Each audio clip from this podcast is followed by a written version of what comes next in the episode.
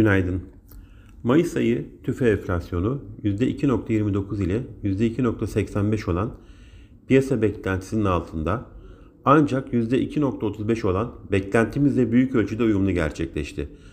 Böylece yıllık enflasyon %55.18'den %50.50 bile gerilerken yılın başından bu yana enflasyon %12.52'ye ulaştı. Türkiye imalat piyamayı Mart'ta 50.1'den 50.9'a yükselirken son 15 ayın en yüksek değerine ulaşmış oldu.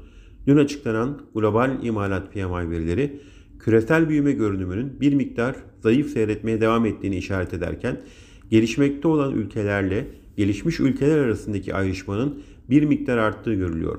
Bugün yurt içinde öncü dış ticaret verileri ve reel efektif kur endeksi açıklanacak.